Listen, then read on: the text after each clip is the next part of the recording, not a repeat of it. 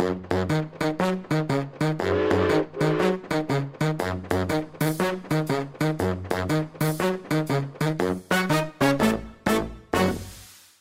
ønsker vi velkommen til uh, lytterne. I dag har vi flytta studio opp til uh, Silvikgata i Narvik.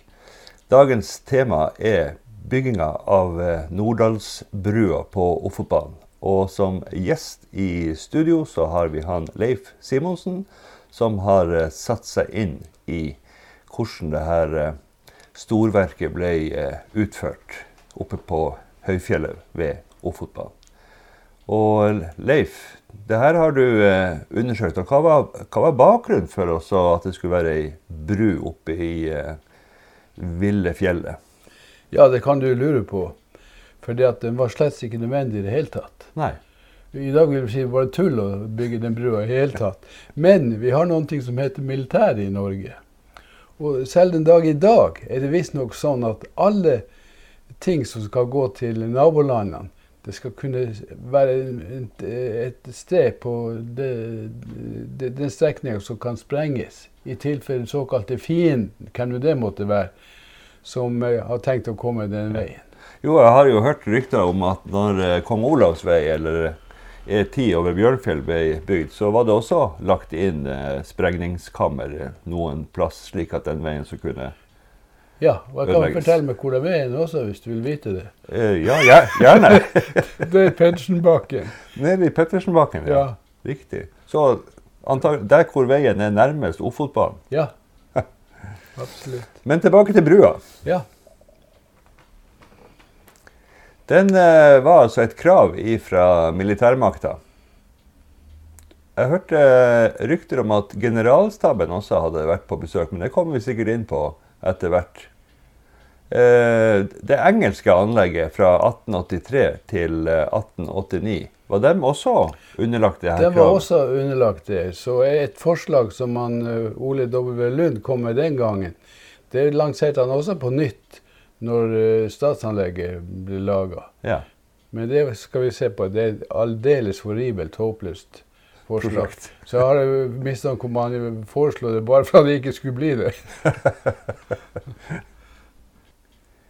ja, det er altså Norddalsbrua som er temaet, og uh, all logistikk og alt som lå bak. Ja. Hvis vi kan Vi skal jo ikke snakke noe særlig om selve anlegget av Ofotbanen, men litt skal vi ta med likevel. At det hadde jo vært et uh, såkalt engelsk anlegg tidligere, som vi ikke skal komme inn på i hele tatt.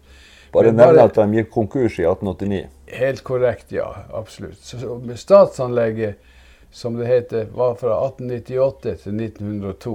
Det er det som regnes som den bygging, byggetida av Ofotbanen. Mm. Og Stortinget i Norge og Riksdagen i Sverige beslutta på uh, for, for, forsommeren i 1898 at det skulle bygges en Ofotbane fra Narvik til grensen. Og svenskene beslutta bygging fra Kiruna til riksgrensen. Mm. Og eh, det som forbauser meg i ettertid, er at altså, det ble beslutta 15.6 av Stortinget at det skulle bygges. Rett før sommerferien? Ja. Og i august 1898, samme året, altså bare måneder etterpå. Det må være så, noen som ikke har fått sommerferie den sommeren der. Ikke sant, ja. Og eh, da ankom anleggsledelsen i august 1898. Ha. Og eh, noe som jeg ikke egentlig var klar over før han begynte å, å se litt på bygginga av selve Ofotbanen, var at 1898 og 1899 gikk med til undersøkelse av planlegging. De hadde ikke noen planer. Det, det var start én, ikke sant. Når Stortinget besluttet nå skal vi bygge jernbane. De hadde ikke noen planer eller noen ting som helst. De hadde vel en trasé? De hadde en trasé som han Ole W. Lund hadde laga for det engelske anlegget. Det hadde. Men uh, kurvaturer og sånt på svinger vil være annerledes i nye anlegg og sånt, så måtte en del ting i, i tillegg. ja. Så først våren år 1900, altså to år etterpå, så ble planene godkjent. Det som de hadde da planlagt i Oslo, i plankontoret der bl.a. Og på høyfjellet, fjellanlegget, altså fra Silvik og oppover, så starta ikke arbeidet, altså det praktiske arbeidet i felten før sommeren 1900. Det var ikke klar over før jeg begynte å se, se, på det her. Det var altså bare to og et halvt år før Ofotbanen skulle være ferdig i slutten av 1902. I dag ville ingen ha tort noe sånt? Nei. Det er he helt eh, fantastisk. Uten en eneste maskin? Ja, visst. Og eh, statsanlegget starta som sagt sommeren 1898. Og anlegget ble delt i tre deler, som det for så vidt også hadde vært under den engelske perioden. Det var eh, første avdeling, som gikk fra Narvik til uh, Innesilvik. Ja. Altså litt forbi Rombak. selve Rombak ja, i dag. Og der var en overingeniør som het Eller avdelingsingeniør som het Torkil Askehaug, som var avdelingsingeniør for første avdeling. Sjef for hele anlegget, det var ingeniør Inge Thoresen Viul, som han heter. Og eh, selve fjellanlegget var Henrik Holfeld Lund ingeniør og sjef for. Og noe vi skal merke oss, det var at han var utdanna ingeniør i Tyskland. Ja. Og snakka dermed perfekt tysk. Det kommer godt med, som vi senere skal se. Det var vel Tyskland som var ledende i teknisk utdanning på den tida? Ja. Men det var også mange andre som ga inn tilbud på, på det hele. Eh, Romaksbotn er jo viktig for selve bygginga av eh, Ofotbanen. Det var den største ansamling av folk bodde faktisk her. Og det ble en anleggsvei bygd fra Rombaksbotn og opp til eh, riksgrensen. Og den var helt vital for svenskene. Og hvorfor i verden for svenskene? På norsk side? Jo, for de hadde jo til riksgrensen fra Kiruna er det jo eh, lang, lang strekning. Eh, 10-12 mil, eller hva det er for noen ting. I uveisomt terreng, Mm. ikke sant. Men den korteste veien opp til eh, grensen på svensk side, det var fra Rombaksbotn. Så det var et viktig logistikknutepunkt. Ja. Og de hadde en egen ingeniør som heter Jakob Kalander, som var bosatt i Romaksbotn, som tok imot alle de svenske varene og, og forsyninger som kom, og sørga for at de ble transportert videre med hest og vogn opp til eh, riksgrensen og svensk side. Så anleggsledelsen kom eh, sommeren, altså august 1898 inn Ja. til Rombaksbotn. Og da hadde Den, den, den kom til Narvik, ikke Rombaksbotn. Men eh, de så vel det at det var behov for å begynne å starte å bygge vei med en gang? Altså infrastruktur for å kunne komme seg opp til Ja. Det var allerede anleggsveier som engelskperioden hadde fått til, opp til uh, Hunndal, dvs. Si Katarat. Ja. Hmm. Men jeg måtte jo bygge videre fra Katarat. Og, og til å begynne med så var det jo heiser som gikk fra Katra og opp mot uh, Katterjøret, altså Katratvannet. ja. Og med båt over Katratvannet og med anleggsvei fra Katratvannet ned til Katterjåk. ja. Det var det, den veien svenskene hadde for å komme seg inn i Og der på Katjak så ble det vel bygd en ganske stor eh, rallarleir med sykestue Ja. og alt mulig. Det- Og det heter faktisk ikke kat, Katterjøret den gang. Det heter ikke Det heter Vassgjøre. Ja. Med W sågar. Mm. Så var det her problemet de, ja, for, for, ja, for et, et punkt å, å, å nevne kan være verdt det at anleggsledelsen, dvs. Si, eh, ledelsen i eh, Oslo, brukontoret der, eller Kristiana som det heter, de bestemte at, eh, at telegrammene skulle sendes til telegrafstasjonen i Narvik som heter Narvik. Mm. Så jeg bestemte seg at stedet skulle hete Narvik, ikke Victoria Havn, som, som det var første opprinnelige. Så det var selve telegrafstasjonen som het Narvik. Det var ikke byen som hadde navnet Narvik. Nei, for enda. byen var ikke blitt byen. Nei da, det var ikke det. Så var det tilbake til det her kravet fra militæret om at det skulle være ei bru som skulle sprenges en eller annen plass. Mm. Og da ble det foreslått to alternativ. Det ene alternativet var bru over Hunndalselva. Hunndalselva ligger like ved Hunndalen, eller Katra som det heter i dag. Og det andre var bru ved Norddalsenden, dvs. Si slutten av Norddalen, som ligger nærmere dagens uh, Søsterbekk Mm. stasjon. Det er jo to, to juv. Ja, det er det. Og ingen av de her traseene var nødvendig, egentlig. Men eh, det var jo som, sagt så tilfredsstille de militære myndighetene. Hunndalstaseen likte de militære myndighetene svært godt. Det var ei stor, fin bru, så de kunne glede seg over å få sprenge en gang. når, når fienden i Gåsøya skulle komme. Så det var altså rett frem over ved siden av dagens, eller den gamle nedlagte transformatorstasjonen som står på Katrat i dag. Ja. Der er et stikkspor som går ut. Og over til Hunndalselva. Og det er et ganske stort juv ned dit. Og der skulle det settes opp ei bru, eh, som jeg vil kalle ei forferdelig bru. Det er bygd ei bru som ser ut sånn som den de hadde tenkt å bygge. Den er ved Kylling bru ved Raumabanen. Den er steinmurt. Den er steinmurt, ja. Og den var helt håpløs. Den har en stigning på 12 promille på brua. Og det var en sving på den. Mm. Brua skal være 70 meter høy. Og den hadde en midtbuespenn på 93 meter. Det ville jo ta flere år å bygge en sånn bru som det der. da hadde de sprengt denne avtalen som de hadde om å gjøre ferdig til 1902. Ja, Ja. ja de hadde aldri klart det. Overhodet ikke. Men eh, han godeste Ole Dove Lund, som jo laga traseen, han eh, var militær. Og kjente jo militær, eh, skal vi si, synspunkter. At det er lettere å få tilgivelse eller tillatelse i militær.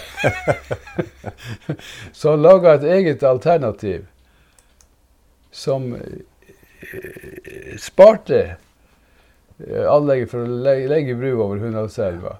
Han laga en tunnel som går til såkalt Sørlandstunnelen, som, som gjorde at man kunne ha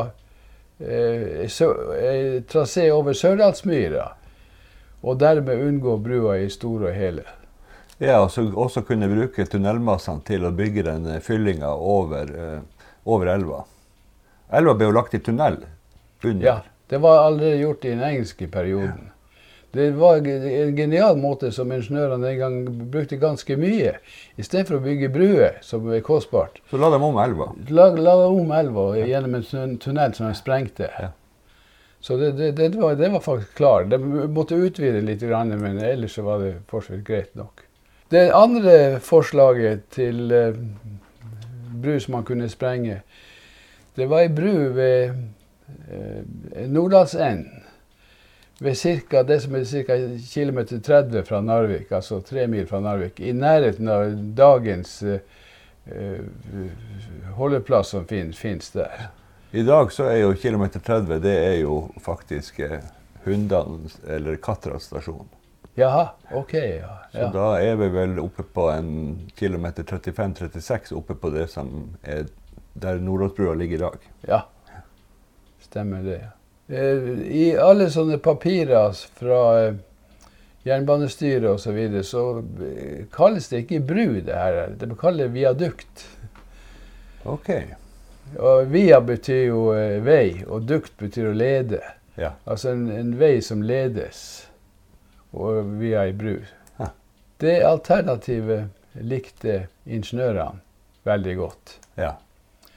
Og for å avgjøre om det skulle bli Hunndalsbrua eller Norddalsendbrua, så kom forsvarsministeren og generalstabssjefen. Du verden. Altså eh, det høyeste som noen gang hadde vært i Nord-Norge på Ja. til, til da.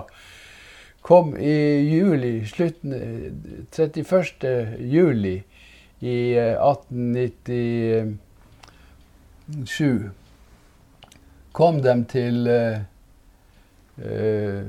Rombaksbotn med båt. Utelukkende for å inspisere de to alternativene som var. Ja, for det, det var ikke helt avgjort om, dem, eh, om eh, jernbanen ville få tillatelse til Nei. det ene eller det andre. Det var ikke det. Og da Men, eh, selvfølgelig stilte jo anleggsledelsen i Narvik med hest og vogn. For de, de herrer kunne ikke ri på hester, går jeg ut fra. De kjørte altså hest og vogn opp til for å se på de her to alternativene. Eh, Det var jo ikke bygd ferdig noe vei gjennom Nordland da, slik at eh, det var jo et ganske røft terreng de måtte gjennom for å komme opp til eh, Norddalsenden. Ja. ja. Det var ganske greit å komme til Hunndalen, altså Katterat, men til Nordalsenden har du helt rett. Det var veldig vanskelig å komme dit. Og så reiser vi jo tilbake til Og han, de hørte selvfølgelig på anleggsledelsen osv. her i Narvik, som jo gikk sterkt inn for brua ved Nordalsenden. Og det godtok dem i eh, Jernbanestyrelsen i Oslo da. Og militær myndighet godtok også det 25.10 i 1899. Mm. Altså Anlegget hadde vært i drift i over et år før de nå bestemte at nå skulle det være bru her. Ja. Så sånn var det. Det skal jo sies, Da avvek de fra den engelske traseen, altså den traseen som han Lund hadde staka opp.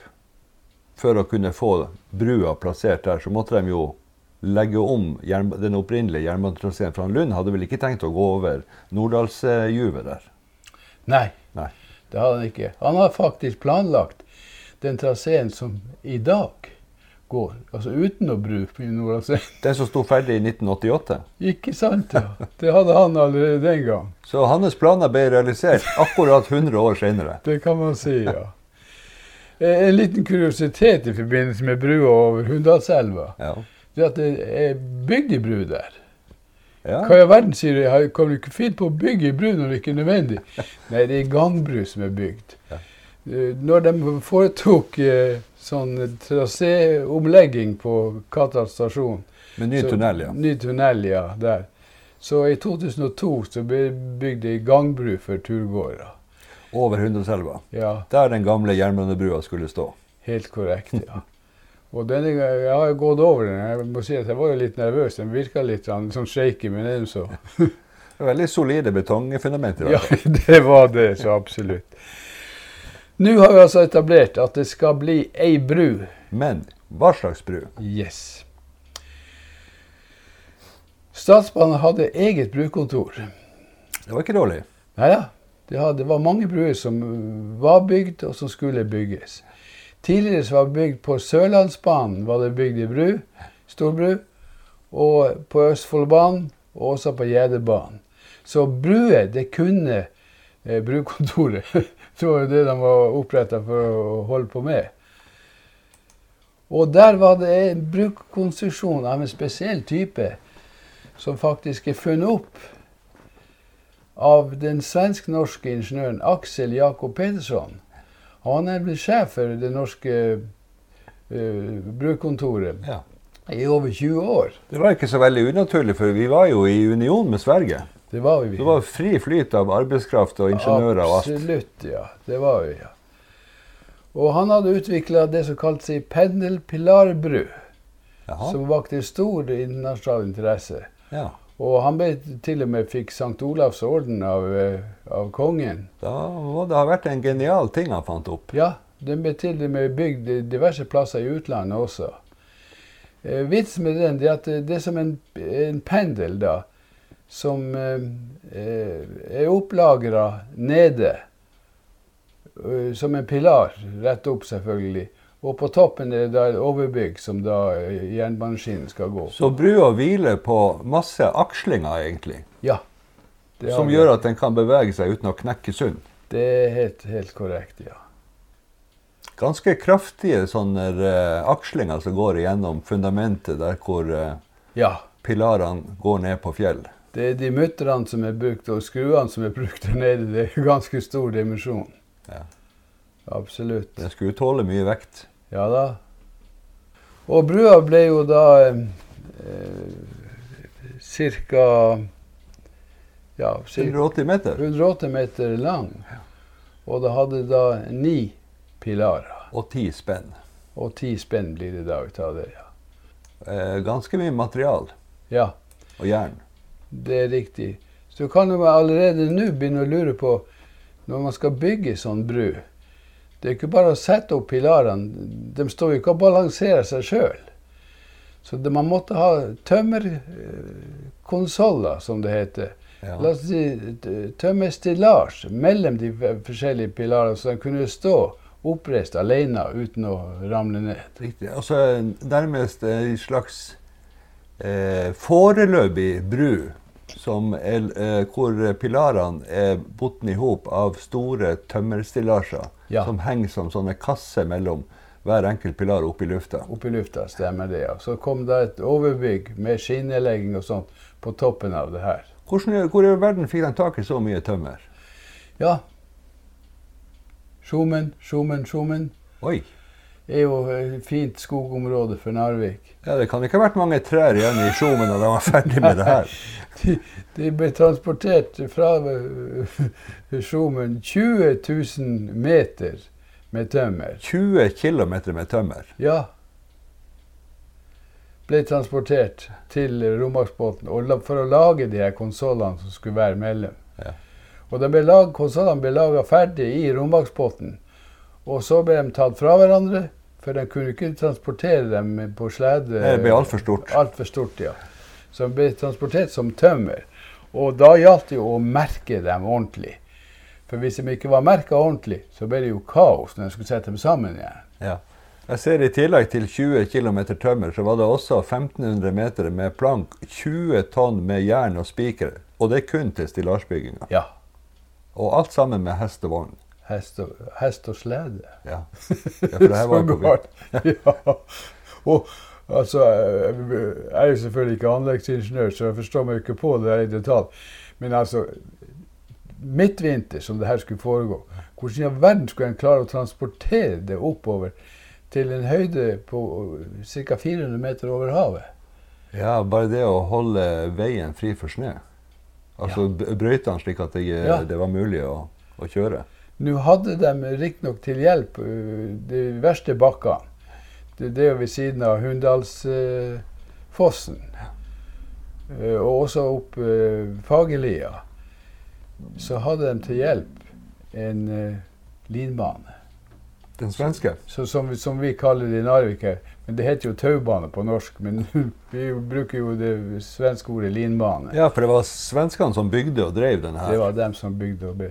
Og det var til deres eh, fordel, for at de skulle transportere alt, som jeg har nevnt tidligere, all eh, materialer og ting som skulle til anlegg på svensk side, skulle transporteres fra Romåksbotn Ja. til grensen. Så de hadde en dampmaskin stående attmed Hunndalsfossen som drev da denne Ja. taubanen. Den dampmaskinen kalles lokomobil, Ja. fordi at den kunne være selvdreven, sånn at den, den kjørte sjøl opp til eh, Gikk på hjul, altså. Ja. Lokomobil.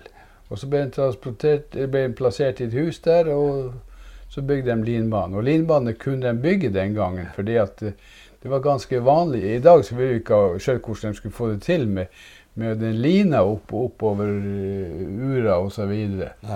Men de kunne bygge linbane den gang. Jeg så de her vognene som, som gikk på taubanen oppover, tok litt over mellom ett og to tonn per, per last. Ja. Eh, Det var åt, Ja, riktig. ja. 800 kilo var en begrensning de hadde for hestene. Ja. Så var det som også ble en begrensning. For en hest og slede kunne klare opp til 800 kilo. Okay. Og hvis det var to hester i, i spann, så Ja. kunne en klare 1600 kilo. Mm. Eh, transporten eh, eh, det er Tømmeret som ble levert fra Skjomen, det kosta 8000 kroner ca. Det var mye penger. Det var mye penger den gangen. Men selve transporten fra Romåsbotn og opp til Nordlandsbrua, den kosta det dobbelte, 16 000. Ja, det er jo helt vanvittig. Og i tillegg så var det jo de her transportere oppover. Det var jo de her 234 tonn med pilardeler ble det jo til sammen som skulle Ja. transporteres oppover. De kom fra Tyskland. Ja, det kommer vi nå tilbake til. Eh, Brua skulle være i peddelpilarbrua av stål. Og sveising fantes jo ikke den gangen. Nei, det Så kom de- senere. Ja. Så de måtte bruke metode som består av klinking med nagler. Så ble det satt sammen. Vi kan si på en måte skruer Ja, uten gjenger på. uten gjenger på, ja. Og så blir den trykt gjennom eh, et eh, hull, Hull, ja. Og så slår man eh, på andre sida med ei slegge til den eh, sklir utover og ikke kan gå tilbake. ja. Men et poeng er at naglene var glødende. Ja. Riktig. De varmer dem opp i For å, kunne, SS, ja, for å kunne forme dem og slå dem, så måtte de være Ja. rødglødende. Riktig, ja. Eh, Nordlandsbrua den har altså en lengde på 180 meter, og det er ni pilarer, og høyden over bakken er 40 meter. Eh, Den ligger på ca. 400 meter over havet. Og lengden fra Rombaksbotn og opp dit langs anleggsvei osv. er ca. ei mil. Som sagt, eh, sånne bruer hadde de laga flere av, så de kunne eh, de bruene her. Jeg har jo spurt dagens ingeniørstudenter om de har lært noe om sånne bruer som det her. Ikke i hele tatt, sier de. For de bygger ikke sånne bruer som det her. Nei. Sammenlignet med Hålogalandsbrua, det er hengebru og sånt som er aktuelt i dag. Men de kreftene som virker, og de kreftene som på en måte det må dimensjoneres for, de er vel de samme i dag? Ja da, ja da det, det er sikkert. De, de lærer nok sikkert eh, litt mindre saker men så store saker som det her, det, det er ikke vanlig i dag i hele tatt. Du, eh, En ting er jo den her brua, men den brua skal jo stå en eller annen plass. Og det skal jo bygges fundamenter og ryddes skog og sprenges fjell og alt det der. Når begynte de med det, egentlig? Det begynte faktisk med eh, omkring år 1900 sommer. Det var kun om sommeren en kunne jobbe. Og det de satte opp eh, først, det var to, to arbeidsbrakker. De regna ut hvor mye mann de tenkte. Ca. 16 mann var nødvendig, og, og to brakker til det som de skulle bo i. Og selvfølgelig ingeniørene kunne jo ikke bo i samme brakke som arbeiderne. Så de hadde egen brakke, som samtidig var deres kontorer i. Hadde de egen kokk også? Nei, Nei. men kokke. Og hun er vi- vist på en del bilder, men hennes navn står ikke noen plasser. Det er helt utrolig. Bare ingeniørene sine navn som står der. Hun var en sånn anonym person. Uten henne så hadde det ikke blitt noe bru. Nei, det kan du si, ja. Absolutt, ja. Så det her skjedde høsten 1900. Sette opp de. Og så begynte de også å lete etter stein. Ja. De skulle ha fundamentsteiner. Og det, det lurte de på hva de skulle få tak i. Men til slutt fant de det på, på den sida mot uh, Sverige, mot uh, Bjørnfjell. Da. Ja. Det, på den sida fant de et steinområde, et steinbrudd som de hadde da. Og da la de en liten sånn eh, trallebane fra det steinbruddet og inn til eh, brutraseen. Faktisk på ei lita dobbeltspora bru fra bruddet og så over til jernbanetraseen. Ja, det gjorde de. Og det steinbruddet har jeg vært oppe og sett på. Du kan tydelig se at her er tatt ut stein fra før. Alt sammen med håndarbeid. Ja. Og du, du, altså i, dag så er du ikke i stand til å, å forstå hvordan de klarte å få hogd ut steinene så fint som de gjorde. Ja, Når du går ned og ser på fundamentene og Ja. hvordan de her steinene er, er, er fuga i hop, så er det jo nesten som et eh, kunstverk. Ja, det er helt sikkert, ja. Så var det da den her eh, Selve konstruksjonen hadde de jo gjort, og det var ferdig. Det var piece of cake, sier vi i dag. da. Jeg kan jo ingenting om det her, men den gang kunne de det der. Og de hadde et eget brukontor, Statsbanene. Og i mai 1900 så de laga ferdig tegninga i sånn bru. Ja. Og eh, så var det da å få planene godkjent, og de ble godkjent eh, i sånn, sommeren 1900. Ja. Og så selvfølgelig det å utarbeide det formelle med anbudsinnbydelse på, på levering og montering av pilarer og overbygninger osv. osv. Og det er jo ikke gjort i håndvending å lage anbudsbeskrivelse. Det, det er ikke det. Og, men nå kunne de også sende de her tegningene opp til, eh, til Narvik, da. Og eh, han Holfer Lund og kompani i fjellanlegget de starta da med å skulle lage fundamentene til det hele. De hadde jo nå tegninger og visste hvordan det skulle se ut. Og så var det å sende ut eh, over hele Europa, faktisk, anbudsinnbydelse. Og eh, altså, ærlig talt, år 1900, ikke sant? Ja, Da hadde de forskjellige firmaene sittet på vinteren og, og grunna på det her og Ja. lurt på hva, hva vil det koste oss å, å gjøre denne jobben, og allikevel tjene litt penger på Ja, det. for det første var det Hvor i helvete er, er Hvor er plassen? Ja, ja. Hvor er plassen hen? Det var jo gavemerker på noe hva så- Nesten på Nordpolen. Ja, ikke sant, ja. Det var arktiske greier. Og det utrolige var at det kom altså inn to norske tilbud. Og fire fra Tyskland. Ja, det er jo helt utrolig. Tyskland var de store brubyggerne på, på den tiden. her. Og til og med et belgisk firma var Ja. Til sammen sju firmaer la inn eh, Ja.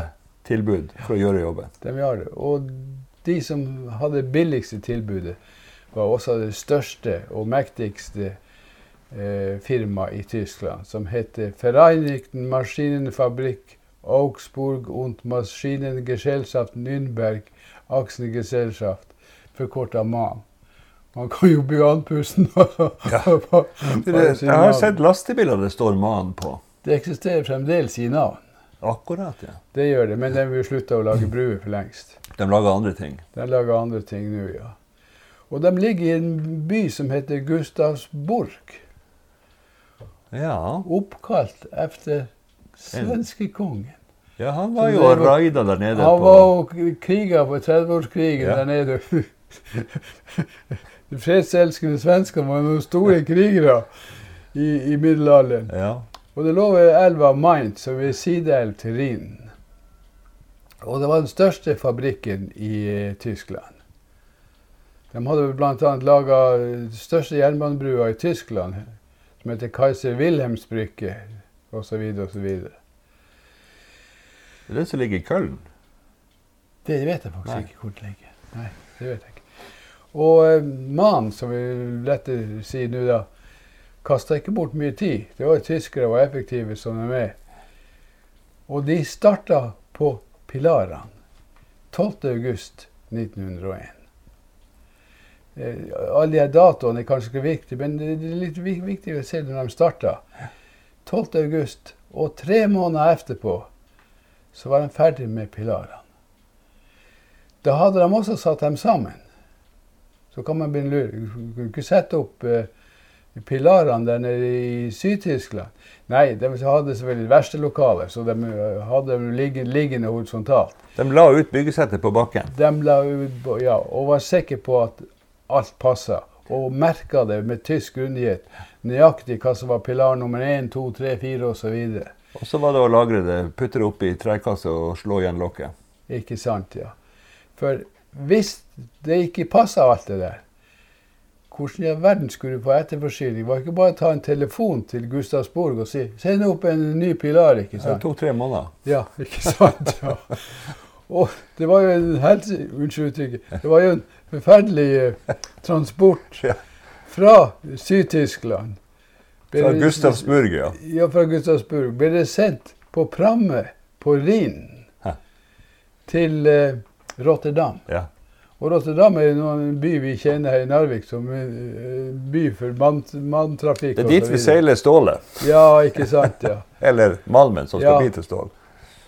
Og så ble, hadde de Ikke sant, de måtte bestille skip også til det her. Det var jo store saker.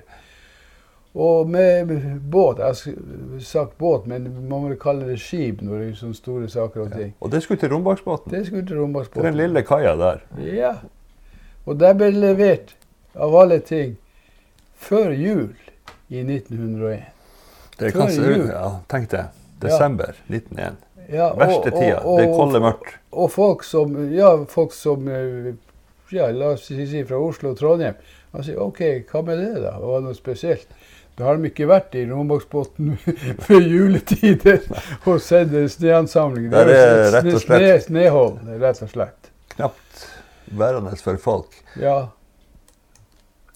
Men når de får pilarene i fanget i Rombaksbotn i desember i 1901, så ser det jo ut til at det er da noen som ikke kommer til å få juleferie det året. ja.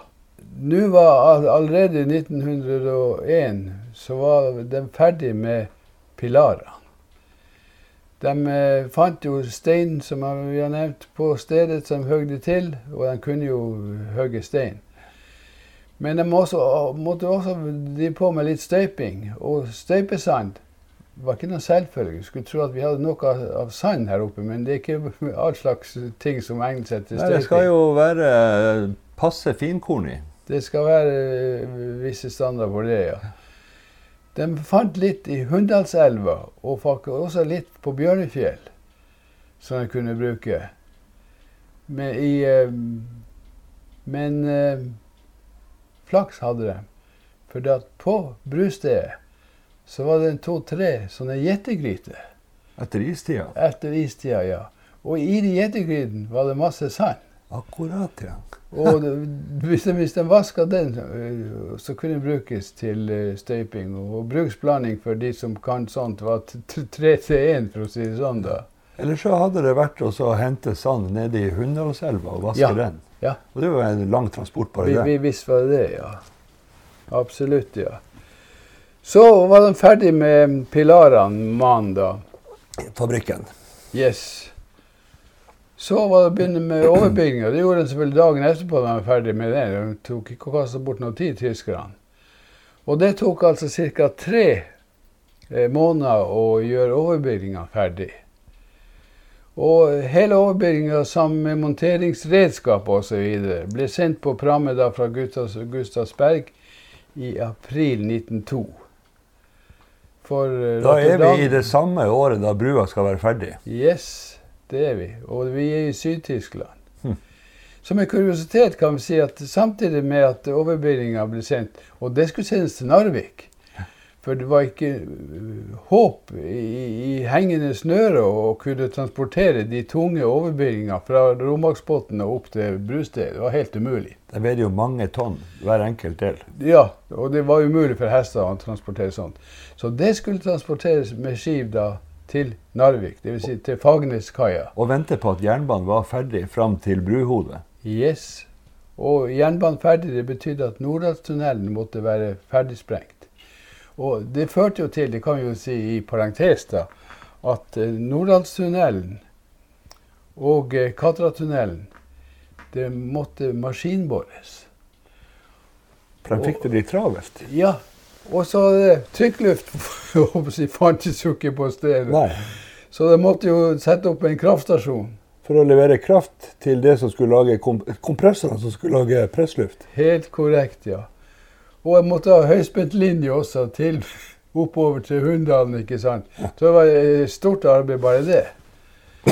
For det at eh, overbygninga som da var plassert på kaia i Fagernes, det skulle sendes opp med tog når Nordlandstunnelen var klar og, og, skinnelagt. I rett rekkefølge. Ja. Så pilardelene nå ankommet til Romaksbotn, og overbygninga på kaia i Fagernes. Og vi er i april 1902. Nei, vi, vi er da eh, så vidt over April, Jo, du har helt rett. Absolutt. Så var det med hest og slede. For husk på at det er vinter, ikke sant? Ja. Så det er ikke å si hest og vogn her. Pilardelene skulle transportere ca. 10 km først opp til Rallaveiens høyeste punkt, og deretter ned til Nordlandsbrua, som er ca. 400 meter over havet. Og hestene kunne transportere ca. 800 kg hver. Og hold dere fast, transporten skulle foregå fra Romaksbotn og opp i desember 1901 til februar 1902. Altså over en periode på tre måneder. De tre verste vintermånedene. Ja. Så absolutt. Uten uhell. Ja, det er ikke beskrevet noe uhell.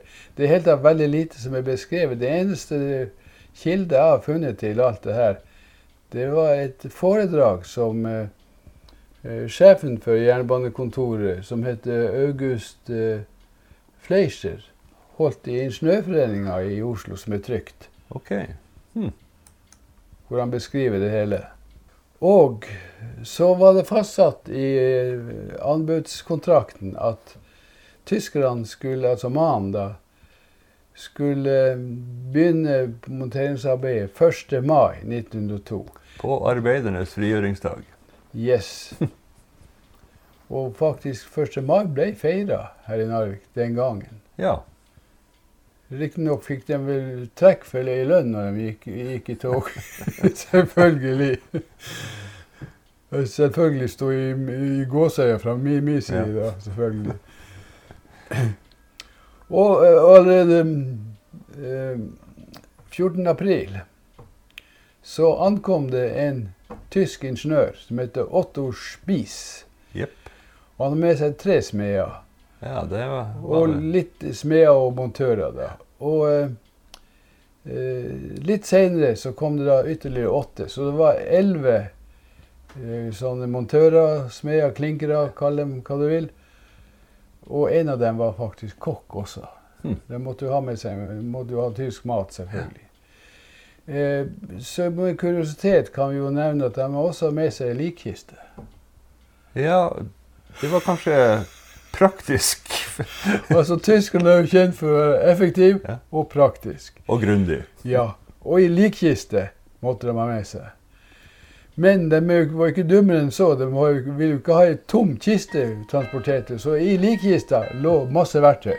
Ja. Så det var ei verktøykiste kombinert skråstrek likkiste. For de var vant til, i alle anlegg de hadde hatt tidligere, så eh, var det noen som hadde omkommet. Ja. Så det tok de høyde for. Så de brukte likkista for å frakte verktøy i, i tilfelle Ja. det ble ulykker, så kunne de bruke den som Ja. likkiste. Og vi skal gå helt til slutten få vite at de fikk bruk for kista. Oh. Eh, den 7. mai begynte de med å slå den første naglen tyskerne. Og det gjorde de da altså Først hadde de fått selvfølgelig eh, måka snø. Det var en halv meter, eller en meter snø som lå over alt utstyret som lå der oppe. Så eh, 7. mai hadde de, de klart å måke vekk sneen osv. Og, så og eh, begynte å slå naglene. Og de satte sammen pilarene ned på bakken. Og de begynte, Det var først tre pilarer som skulle settes opp. Og De begynte selvfølgelig med den som var nærmest midten, og la den ned på bakken. Og klinka den sammen.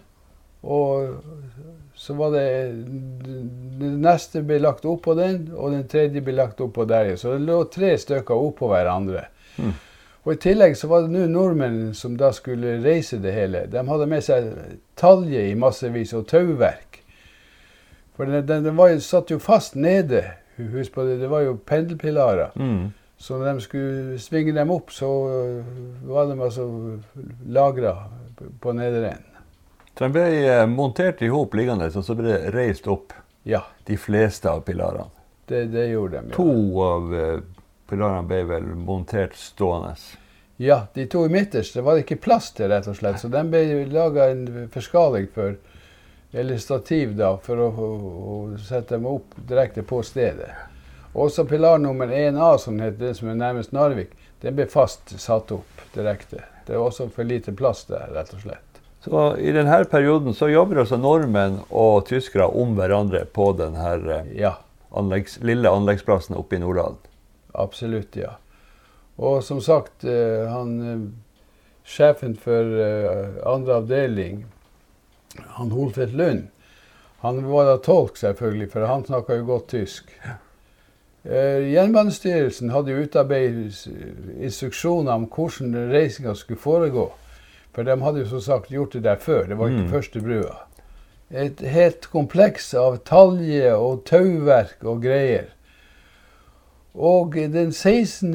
juni, altså vi er kommet til midtsommers nå, 1902, da ble den første pilaren kom opp. Og det tok bare 40 minutter å få han reist opp. For det her kunne de. Det var ikke noe de behøvde å trene på. De, de hadde gjort det før. De begynte altså helt tidlig i mai, og allerede 16. juni så kommer altså den første pilaren opp. Med, Og- med konsoll som skulle være mellom pilar nummer Ja. 1A og pilar nummer 1. Ja. Og det var jo selvfølgelig fotograf til stede som tok bilder. Og hvis man ser på bilder av den reisingen av første pilaren, så er det et, et eh, norsk flagg uten sildesalaten i, som er på toppen. Heia Norge! Vi var, så, vi var så best på det området også. Det virker jo som at eh, folk i Norge var litt gira på å forlate unionen. Ja, det er jo helt sikkert. Og i dag så ville jo ikke anleggsledelsen ha tillatt at det sto en mann på toppen av stillasen og med norsk flagg som drev og heiste opp. Det var ikke noe HMS eller noe sånt. Så er pilar nummer én kommet på plass. Og deretter kommer så vel pilar nummer to og tre osv. Det, det tok altså bare en, en halv, litt av en halvtime å få reist til Pilara når de først satte satt i gang. Helt utrolig. Ja. Og eh, de pilarene som ble plassert i midten ved hjelp av stillas, det var ferdig midt ja, 4. juli 1902. Og så ble pilarene som var nærmest svenskegrensen, eller Bjørnfjell, da, nummer 6, 7, 8, ble reist. Og 12. juli så var den siste pilaren oppe. 12. juli. Den begynte altså i, i, i, i april med det her. Alle sammen skulle, det er, jo, eh, det er jo tusenvis av biter som skal klinke sammen. Ja, Tusenvis av bolter som skal eh, glødes og Det- slåes. det er helt sikkert, ja. Så de, det kan ikke ha vært mange pustepauser på det her tyske monteringslaget, men kanskje de er utnytta av at det var lyst døgnet rundt. Det kan du Det har jeg aldri tenkt på, men det har du faktisk rett i. Den fordelen hadde de jo her, Ja. som de ikke hadde hatt i Tyskland. Hvis det skulle reises der. Det er helt utrolig at eh, på det her stedet, og vi som har vært der, vet jo at hvis du tar, tar vekk eh, bilveien opp til Bjørnfjell og, og, og jernbanen opp, eh, så er det jo i ødemarka. Ja. Kutta vekk fra alt mulig. Og her bodde det altså sikkert 16 mann i to brakker. Ja, ja, Eh, med egen kokk. ja. Så, etter at Nordlandstunnelen var gjennombrutt, båra ferdig osv., så, videre, så kunne en transportere de jerndelene som sto lagra, overbygginga altså, som sto lagra på Fagernes. Og eh, da kom det opp vognen den 17. juli. Så da var det lagt ferdig skinnegang gjennom Norddalstunnelen, og det var også ferdig skinnegang helt nede fra Fagerneskaia og opp til brua. Ja, Mm. det var det. 17. juli 1902. Ja, og de hadde da ei, ei sånn portalkran som ble brukt til det her, til å løfte de her overbygningsdelene ned på selve brua, så de kunne klinke den fast til resten av konstruksjonen. Det var tyskerne som hadde ansvar for å gjøre det. da. Og så ble det lagt skinnegang fortløpende oppå de her overbygget, slik at Ja. neste vogn kunne kjøre en etasje til bortover. Ja. Så overbygninga ble, ble altså montert fra 17. juli til 3. august. Altså på, på 14 dager ble det her gjort. Eh, altså føler jeg beundring over det, det, det måten de jobba på. Ja, det er veldig imponerende. Og 23. august så var all hele brua, inkludert klinking, rekkeverk og revisjonsvogn som det heter, var ferdig 23. august. Ja, Den der revisjonsvogna, hva er det for noen ting? Det vet jeg ærlig talt ikke, men eh, Nei, jeg vet ikke. Det, er det en sånn vogn som henger under brua, som de kan bruke for å liksom inspisere brua unnafra? Altså overbygge? Altså, som, Det, det er mulig. Det, det, faktisk det, det, det kan jeg faktisk ikke. Men den, den finnes fremdeles, den revisjonsvognen. Men det har jo ikke vært brukt selvfølgelig på mange år. Nei, ikke siden 1988, kanskje. Nei, sant nok. Og du nevner 1988. Det var jo da brua siste gang var i bruk. For de Byggeverket kunne overtas av norsk myndighet 31.8.1902. Altså fra mai til august. Vi har jo mange ganger eh, sett på det her og sagt at eh, selv i dag, med de samme forutsetningene som den gangen, uten vei frem til Bjørnfjell og, og så videre og så videre, så hadde ikke det her kunnet latt seg gjøre hurtigere. Nei, det er jo faktisk mindre enn ett år siden de holdt på å støype brua nede i Tyskland. Ja. 1.9. så forlot alle tyskerne. Ja, For da var de ferdig med sin monteringsjobb. Ja, det var de. Så var det én ting. Ja, Det var det her med å kunne sprenge brua. Ja, vi har jo ikke snakka noe om det i hele tatt. Det, var, skulle være veldig hemmelig for øvrig. Og eh, jeg har vært i Statsarkivet i, i Trondheim da, Ja. og får jo leita gal efter å se noen henvisning til. Ikke noen rapporter som nevner ordet sprengning av brua i det hele tatt. Nei. Men jeg fant det på ett sted. Og du kan vel sjøl tenke deg hvor det stedet måtte være. I regnskapsbøkene. I Det var ingen av regnskapsbøkene. blårussen som kunne skrive prikk, prikk, prikk, kroner 3000. Der, der sto det 'sprengkammer' med klartekst i regnskaps... eh, Som en egen ting som utgift. som utgift. Ja. Det var forarbeid og etterarbeid og, og, og så videre. Boring. Det var detaljert hva det kosta i detalj. Det fant jeg i regnskapsbøkene der.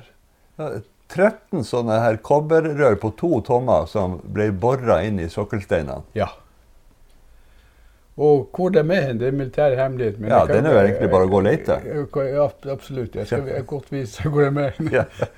Men det ironiske er jo egentlig at det var jo en, ett tilfelle da de skulle sprenge. 1940. Og det var 1940. 1940. Ja. Og da var, var for det første fant de jo ikke hvor eh, de her sprengningsstedene var henne. De var jo fylt av snø og is. Ja. For det var jo i april måned det her. ja. Og en Og- snerik vinter i tillegg. Ja, det var det så absolutt.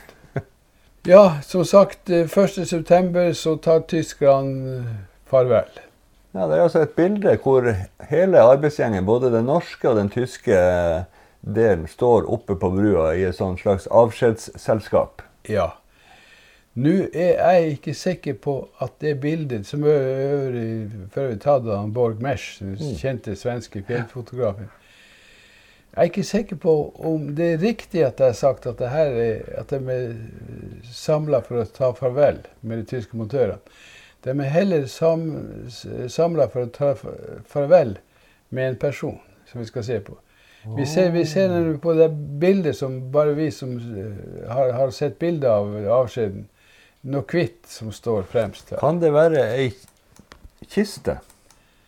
Det er mest sannsynlig at det var det, ja. Kokken som Ja, vi skal komme til han. Det var, For å hoppe litt langt eh, frem nå i tid, så var sammenkoblinga på riksgrensen kunne jo nå skje.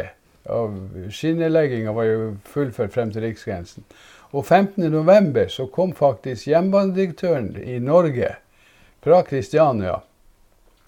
Og svenske Han heter jo ikke jernbanedirektør, han heter generaldirektør, den Mm. svenske.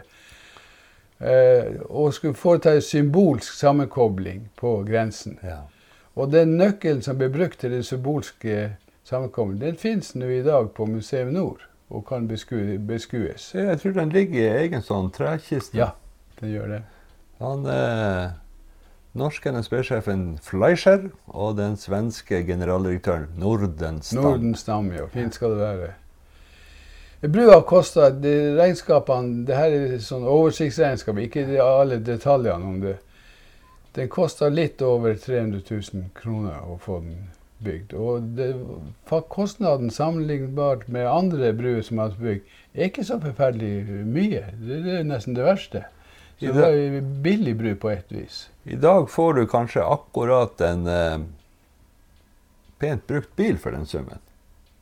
Ja, det gjør du. Så pengeverdien må ha endra seg kraftig på denne tida. Ja, det er jo sikkert. Eh, I sluttrapporten til eh, eh, overingeniøren Ja. så eh, står det noe sånt som at bygging av Nordlandsbruen foregikk uten noe uhell av noe slag. Komma. Bortsett fra en tysk kokk som ramlet ned da han skulle ringe til middag og slo seg i hjel. Og eh, den eh, rapporten om det her fra ingeniør Henrik Holfeldt Lund, den er nesten kostelig, selv om det er en tragisk ting som beskrives. For ingeniørene den gangen de visste ikke at det fant noe som heter komma, for det første. Og for det andre så hadde de alt i ei setning. Så eh, rapporten som kom til anleggsledelsen i Narvik, var da følgende. Tillater meg herved at meddele at en av de ved Vereinigte Maskinenfabrik Gustav Spogs kontraktbeskjeftigede tyske arbeidere ved navnet Xaver Frans Bauer fredag den 27. juni sist avgikk ved døden grunnet et fall fra monteringstillatelse mellom pilar 4 og 5 på bru i Norddal km 35,30 er bødigst Henrik Holfeldt Lund. Huff. Det må jeg si. Ja. Så han er da gravlagt.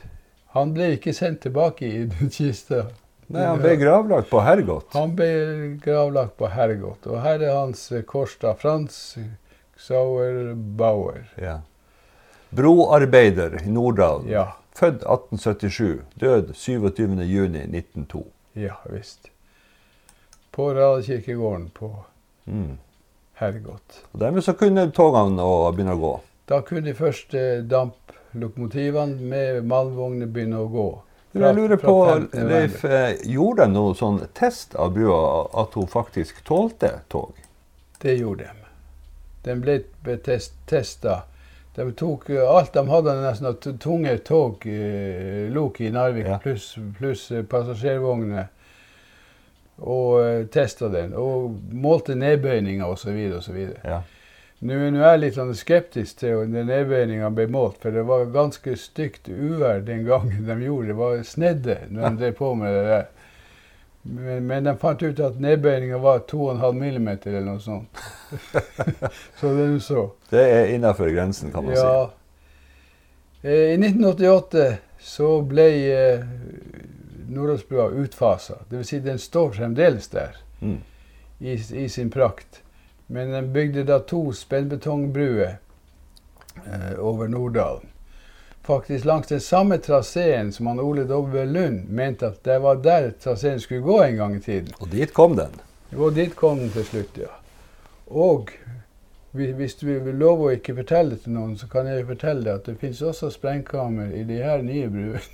Da har vi en hemmelighet. Har vi en hemmelighet, ja, som vi ikke må si videre. Første toget etter omlegginga det var faktisk Litra B1320 fra Malmbanens venner fra Luleå. Ah. Som var på besøk i Narvik. Så det første, det første toget over Nordlandsbrua var et damplokomotiv. Og det første toget over de nye bruene var også et damplokomotiv. Det er riktig, ja.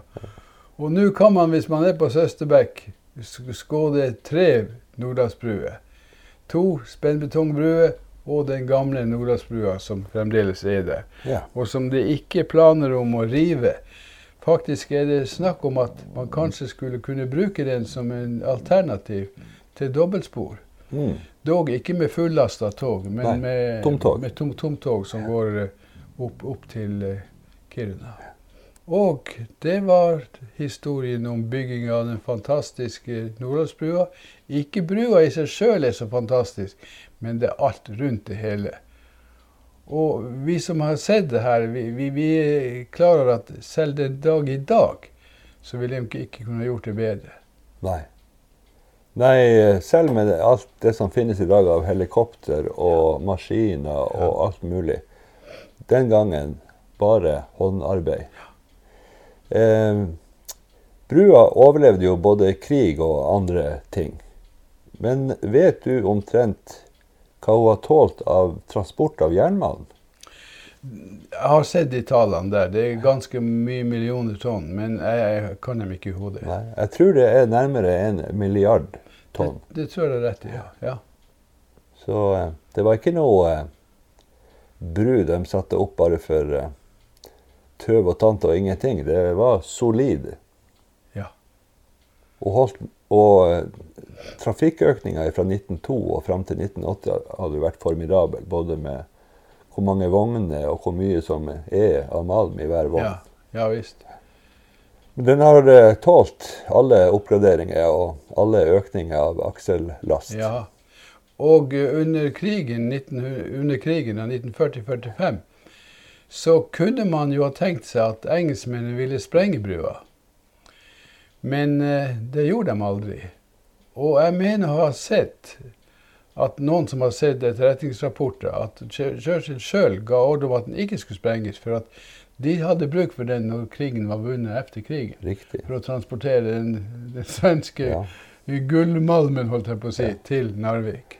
Jeg har jo også hørt at det fantes en slags eh, muntlig underforstått avtale mellom, eh, mellom eh, tyskerne som okkuperte Narvik, og undergrunnsbevegelsen med sin leder, han overlege Borch Johnsen, Ja. hvor tyskerne sa det hvis dere ligger unna Nordlandsbrua, så skal vi ligge unna han Borch Johnsen. ja vel. Jaha. Ja, da takker vi for oppmerksomheten. Ja, det var bare hyggelig. Jeg blir nesten rørt av å sitte og prate om det her, for det, det er jo en stor ting, det med Nordlandsbrua. Ja, det er det. Og vi får oppfordre alle lytterne til å ta turen sjøl ut i terrenget. Kanskje benytte sjansen nå når det går eh, Arctic Train.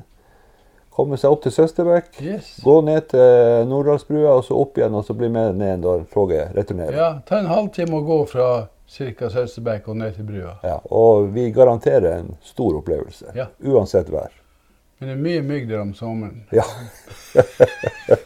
det vet vi. det vet. Da takker vi pent for oss. Ja, takk for meg.